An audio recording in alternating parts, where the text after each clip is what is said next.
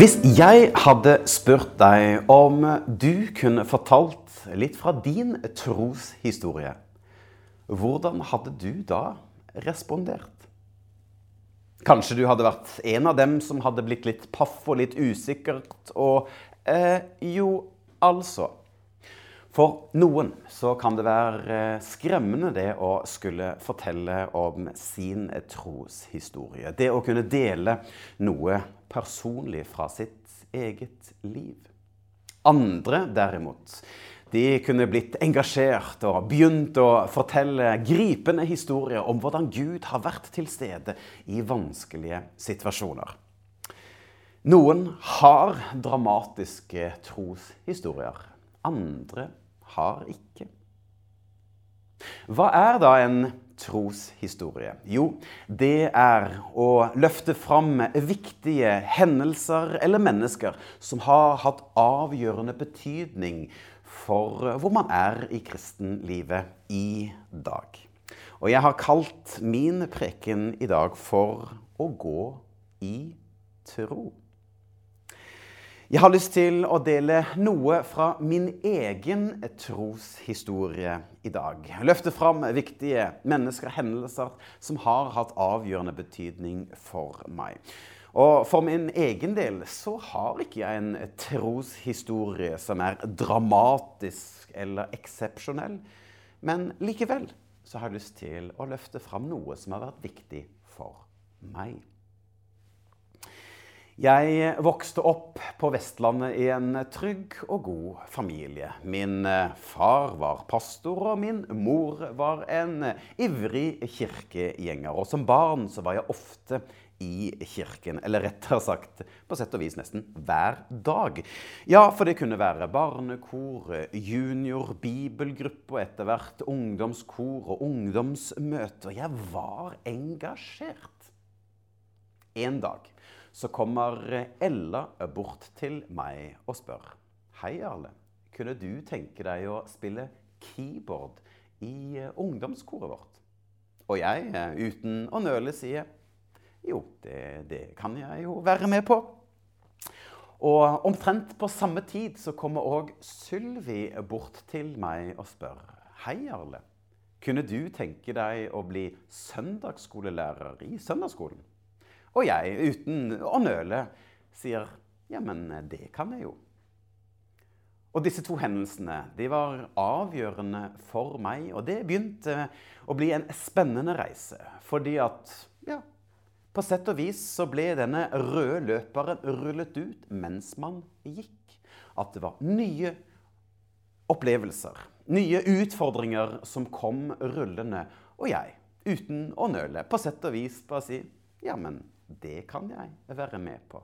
Og ble pianist i ungdomskor og ble formann, og så begynte det å rulle og rulle.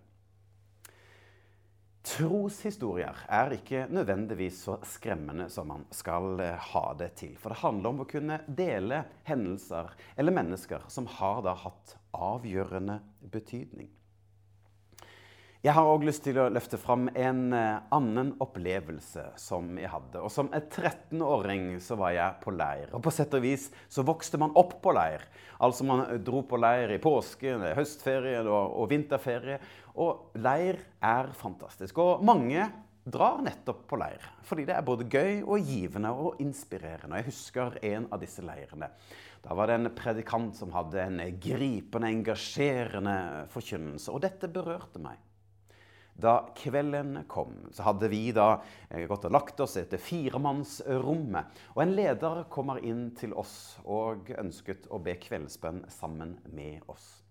Og da kjente jeg at det var noe som skjedde på dette rommet.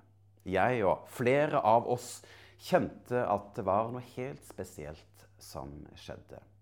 Vi ble fylt av Den hellige ånd, og jeg opplevde det som at det var en utrolig god fredsfølelse som eh, fulgte meg på innsiden. Både fred og glede og en slags godhetsfølelse som eh, fulgte meg. Jeg hadde jo vært kristen hele livet, men eh, på sett og vis så ble dette det som kalles en frelsesvisshet. At Ok, Jeg visste at dette er min egen tro. Det er ikke bare mine foreldres tro som, som jeg lener meg mot, men jo, jeg ønsker at dette skal være min tro. Og jeg kunne få lov til å være en Jesu etterfølger. Så skal vi hoppe en del framover i tid. For det er en god del mennesker som har hatt stor betydning for meg og mitt kristenliv og mine muligheter. Og en av dem er Svein. Svein Andersen i Hermon Forlag. Og nå har han blitt en god venn av meg. Og det jeg husker, det var denne grunntonen som han møtte meg med. Ja, vi skal spille tilbake over ti år. Og på den tiden så hadde jeg produsert en rekke CD-er med musikk, med Jarle-TV, musikkvideoer. Mye forskjellig. Og reist rundt som barne- og familieforkynner i Norge i mange år. Og så kjente jeg at ja, jeg hadde lyst til å begynne å skrive bøker. Og så kunne jeg huske tilbake igjen fra barndommen min. Altså, da jeg gikk på barneskolen, så husker jeg at jeg løp inn på biblioteket og satt der og bladde i bøker. Det var utrolig givende bøker. Å kunne låne med meg en stabel av bøker. Ikke bare noen få, men en, en stabel av bøker lånte jeg med meg hjem og kunne sitte der og se og lese. Nå kjente jeg, i voksen alder, at jeg hadde lyst til å begynne å skrive bøker selv. Og eh, jeg eh, kom altså til Svein og til Hermon Forlag, og han møtte meg med åpne armer. Jeg husker så godt at jeg ble møtt av en mann som hadde tro på det jeg kom med. Tro på at her er det en som har noe viktig å melde. Han ønsket at jeg skulle lykkes. Han ønsket at jeg skulle få lov til å komme inn i varmen og få lov til å begynne å løpe få lov til å løpe i det tempoet jeg selv ønsket, og få lov til å skrive det jeg selv ønsket å skrive. Og eh, det åpnet en dør, slik at jeg kunne få lov til å bli en forfatter. Ja, jeg som på videregående ja, syntes at dette norskfaget var litt strevsomt, og gikk ut fra videregående med en treer i norsk, fikk lov, lov til å bli en eh, forfatter. Og på disse årene så har jeg nå fått lov til å skrive snart 45 bøker. Og for meg så ble dette en viktig del av mitt liv og min tjeneste. Det å kunne være med og gi noe videre. Så hvis jeg nå spør deg Kan du fortelle litt fra din troshistorie? Hvordan hadde du svart meg da? Hva hadde du løftet fram for meg? Og det er to viktige verdier som jeg har hatt høyt oppe i mitt kristenliv. Og det ene det er å vandre i tro, og det andre er å være på rett sted til rett tid. Og på sett og vis handler dette om å kunne lytte inn. Hva er det Gud har for meg i en tid som denne? Hva ønsker Gud at jeg skal vandre i? Kjenne etter hva det Gud vil er det til høyre, til venstre, eller skal jeg gå rett fram? Og jeg husker òg eh, godt tilbake en opplevelse fra Hamar. Ja, vi bodde der da barna var små, i ni år. Og En dag så fikk jeg en innskytelse om at tiden vår i Hamar var nå over. og At vi skulle da flytte videre. For bare for noen, for noen uker siden så hadde Karina og jeg fått et spørsmål. ja, men Hva er det som holder dere på Hamar? Og Den kvelden så satte vi altså ned en liste over eh, for, altså, eh, argumenter for og argumenter mot å bli da værende på Hamar. Og vi valgte å bli på Hamar. Så jeg nei, det er godt å være her. Men så kom da denne lille innskytelsen.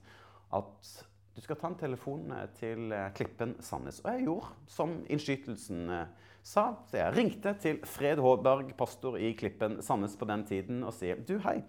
Jeg lurte på om det hadde vært en idé om vi i familien Valdemar hadde flyttet ned til Sandnes, og så kunne jeg få lov til å bli barne- og familiepastor hos dere. Fred Håberg, som nå har blitt en god venn, han eh, svarer at du, i går så startet den nye barnepastoren hos oss. Så. Og jeg kjente jo en sorg. Eh, man hadde gått på noe man kjente man skulle gjøre, og kjente sånn Skulle ikke ha gjort det. Men eh, Noen dager senere så ringer Fred opp igjen og sier du, vi vil gjerne at du òg skal komme. Så kan eh, vi ha vår barnepastor, og så blir du barne- og familiepastor i Klippen Sandnes. Og det blir tre fantastiske år i Sandnes. I dag så skal vi til andre Korinterbrev, kapittel 5 og vers 7. Og det handler om dette om å gå i tro. Jeg hadde lyst til å bla gjennom deler av min troshistorie for å gi deg noen tanker som vi kan ta med oss videre. For uh, dette verset det sier noe om å gå i tro. Og når man skal på en måte se eh, på et vers så, så, og studere, så kan det være en god idé å se på ulike bibeloversettelser. Altså, hvordan tar de og, og beskriver eller eh, å utbrodere dette eh, ene verset? Eh, nettopp for å få litt vidsyn over teksten. Og Bibelen, Guds ord, den sier, altså 2. Korinterne 5,7 For vi vandrer ved tro, ikke ved det synlige. Eller går vi til eh, Bibel 2011, samme verset.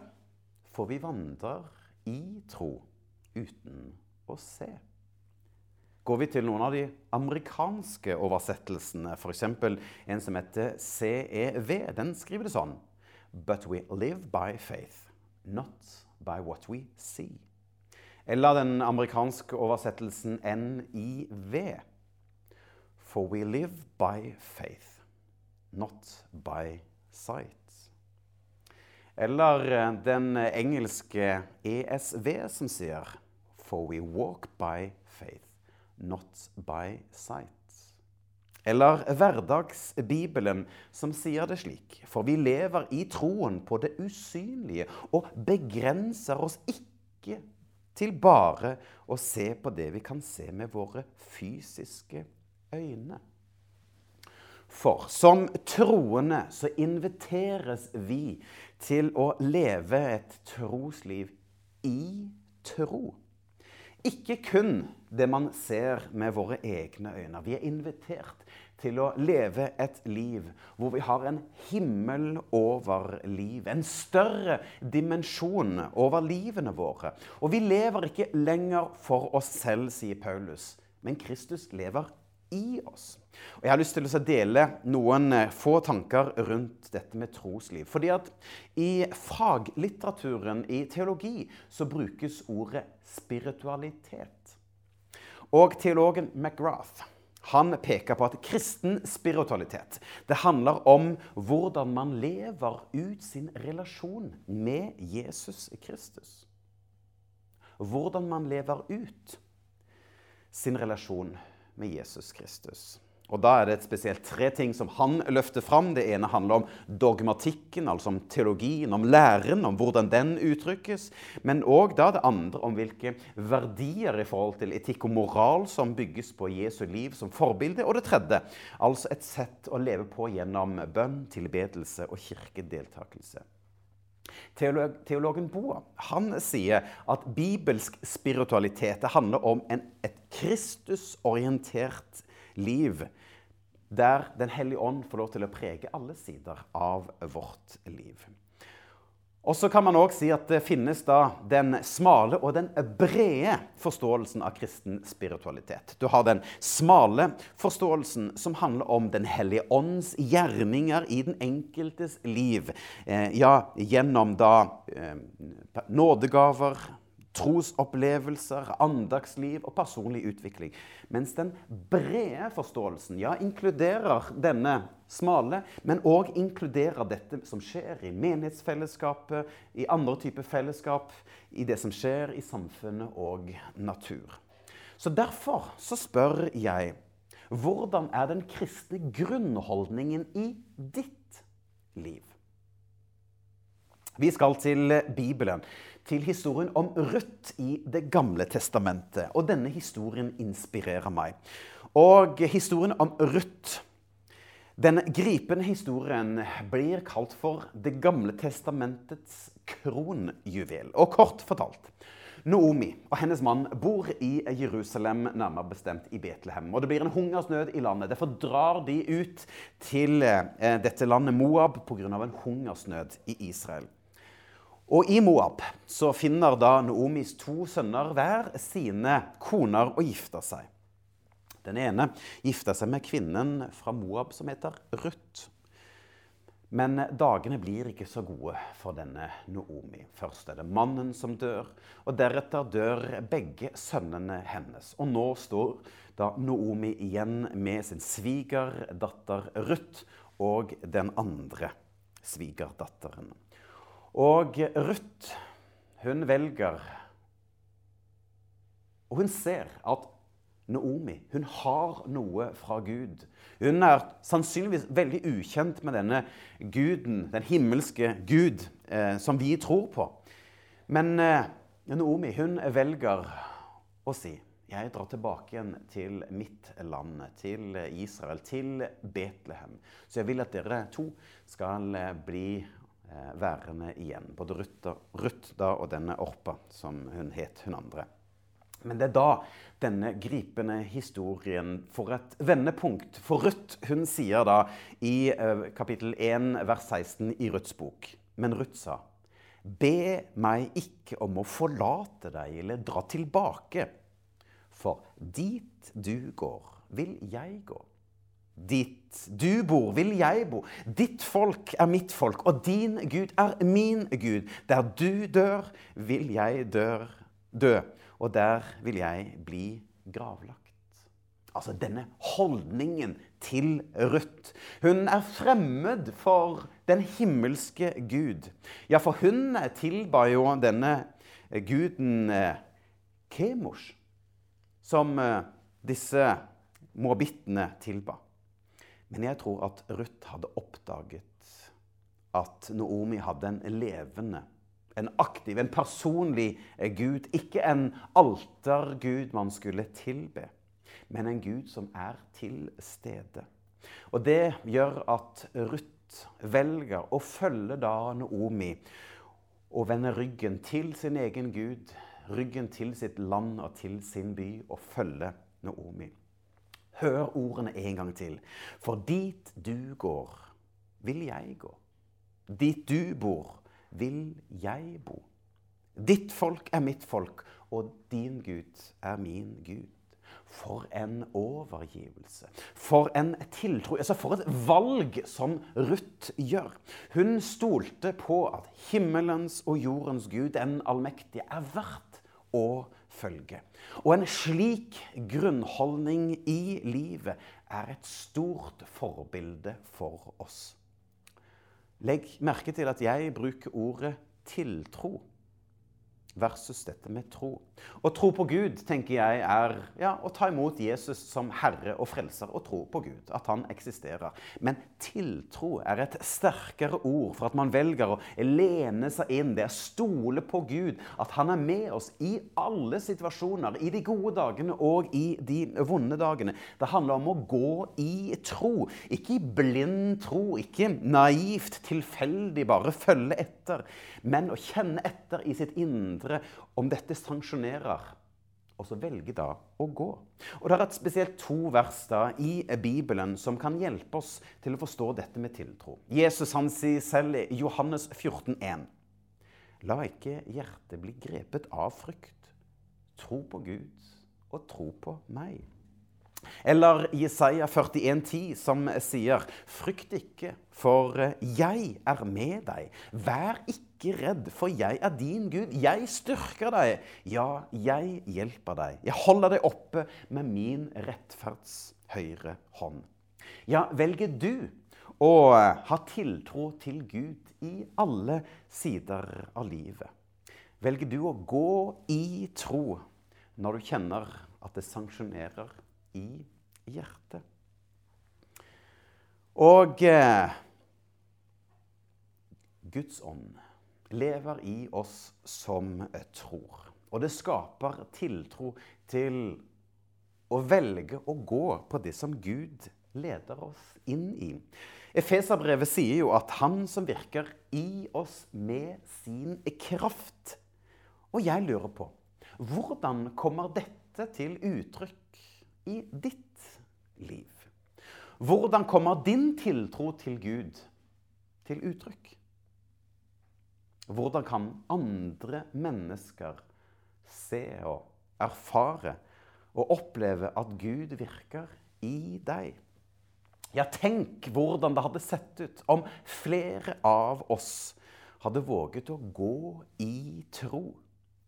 At når vår troshistorie skal fortelles, så løfter man fram at jeg valgte å følge Gud. At jeg valgte å stole på ham. Jeg valgte å gå i tro. Ja, jeg valgte å vandre mitt liv i tiltro til Gud.